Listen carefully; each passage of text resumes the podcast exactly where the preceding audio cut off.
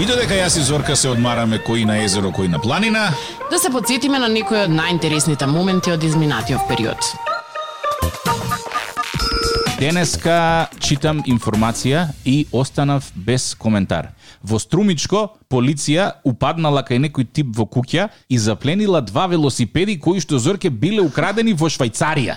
Како знаат дека се запленати во Швајцарија, односно дека се украдени од таму? Е, истото и јас се прашав. Ако ти во Скопје пријавиш дека ти украле велосипед, можеш да кажеш чао пријатно. Завршува најверојатно некаде на Косово, ама овие швајцарските очигледно кај нас завршуваат. И најверојатно се урди- уидисале швајцарското МВР и нашето МВР, Ама како докажале дека е баш тој велосипед, кога на нив нема сериски броеви или може да се ишмирглаат лесно, мене не ми е јасно. Битна ударна информација, МВР заплени два велосипеди е, кои што биле укра- украдени во Швајцарија во Струмичко село. Секојат шест. Ама гледаш, кај нас доаѓаат е, швајцарски велосипеди, а нашите велосипеди купени од овде одат на Косово. Да. И се разбира кај нас квалитетот на увезената стока е многу подобар од квалитетот на извезената Нормално, стока. има врска ти што си го платил 1000-2000 евра. Тоа е исто како со велосипедот. зеленчукот нашиот. Кај завршува нашиот зеленчук на некој чклија пазар типот Русија ова она, кај нас увезеното убаво големо. Ба. Спореди увезена јагода и домашна јагода. Баш е, вчера или завчера, не сум сигурна, ме разговарав на оваа тема со супругот, вели из- излезени се по маркетиве лубеници, ама се такви за греота да ги гледаш, а не па да ги јадеш.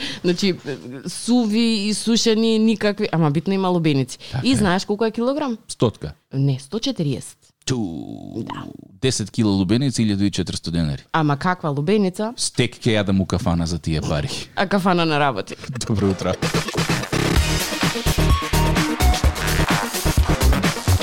Заладување на времето има облаци некои Среда чудни. некада да, од прилика. Така до тогаш? Да, и некој денес ќе има заладување, меѓутоа тоа ќе биде минимално, на облачување ќе има всушност. Викендов е, пеколно беше. О, ја не знам, луѓето кои што имаат проблем со притисок, како го издржаа викендов. Значи, ние што сме нормални, јас никогаш немам проблем со притисок. Еве, имам пријатели кои што имаат веќе, нели? Ке си годините. јадат лукче, кафенце. Е, сега, тоа прво немаше воздух надвор на 35 Спарно. степени. Да. Под број 2, не знаеш дали да уклучиш клима, пошто малку е чудно и смешно во мај да да Ама оптеритуваш потребите, клима, зорке меѓутоа, велат да, клима. Клима велат потребите, особено оние кои што живеат надвор од градските средини, кои имаат можност да уживаат во чист воздух, ветарче, пониски температури. Она што исто така беше проблематично беше што сите кои што било каков проблем некогаш имаат со притисокот, викендов беа како утепани. Да, тоа посебно оние кои што имаат е, низок притисок. Па б- јас можам да ти кажам дека се изнаспав викендов, а, секој можни 10-15 минути вака ако седам во едно место, ми паѓаше главата да заспиам, можам да замислам тие па што имаат нели хронични заболувања,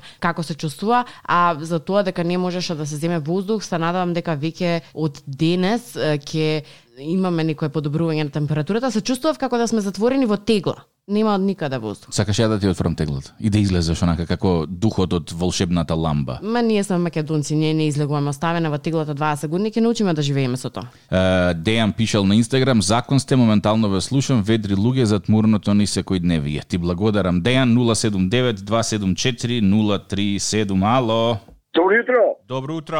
од Куманово. Слушај, среќам да нека вие тамо пишувинале. Фала ти. Силе слуша, цело Куманово ја слуша, пријатели мои, да знаете само. И како сега да ти помогнам ја тебе, кажи ми? Шаста стани си кажа бе за роден ден бе, јас вчера ти напиша. Е, добро, де, и шо реков ја преска, тоа не е моја надлежност ја да читам Фейсбук, ја само се јавувам. Е, па да бе, да, не, да, да. Ја можам да честитам, да, тоа е моја надлежност. Е, да бе, добро, не сум јас министер. Јас сум тренер по пинг-понг во а, странство. Моментално во Куманово и уживам у твоја програма од 7.30 до 9. И после ми е, после ми е лудница, пошено. После све канта работа луѓе. Ај ке ти учинам овој пат само, важи, да не биде после дека даваме лош пример.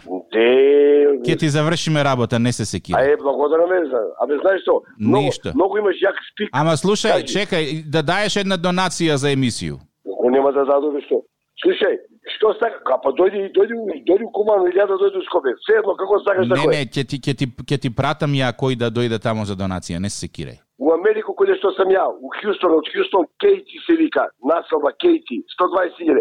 Они не ни чуле за за корону. Али на телевизор на CNN вика корона. Нема ни еден оболе, нема ништо. Али мора да поштуе закон. Чекај сега, реши кај си у Куманово или у Хјустон? Куманово сам се, се сам Кумановац.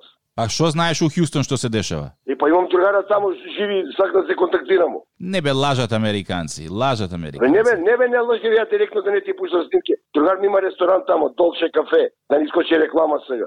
Бе, ја, Да бе, у Хјустон сигурно не слушаат. не мене да не искочи фалење и дека е ој, у, у Хјустон. Не, не. Абе, ке те чуе ви у Хјустон, имаше некој дете роѓаше пинг-понг, што знае или како е.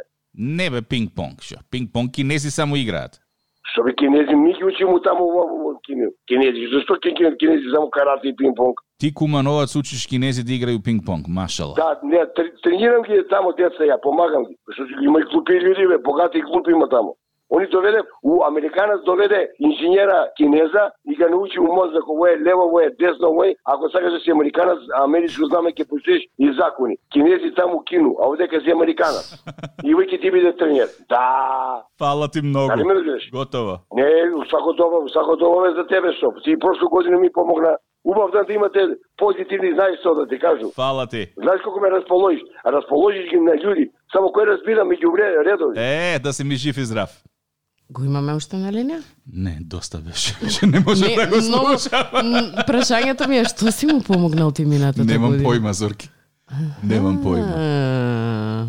Ама Не. очигледно дека ме доживува како месија, што за моето его е одличен Леле, па вака да ти се уваат секое утро и да ти кажуваат колку си најдобар на целиот свет, па мена животот и работата со тебе ќе ми биде мет и млеко. Добро утро. Сова се Тик-так и Зорка. Radio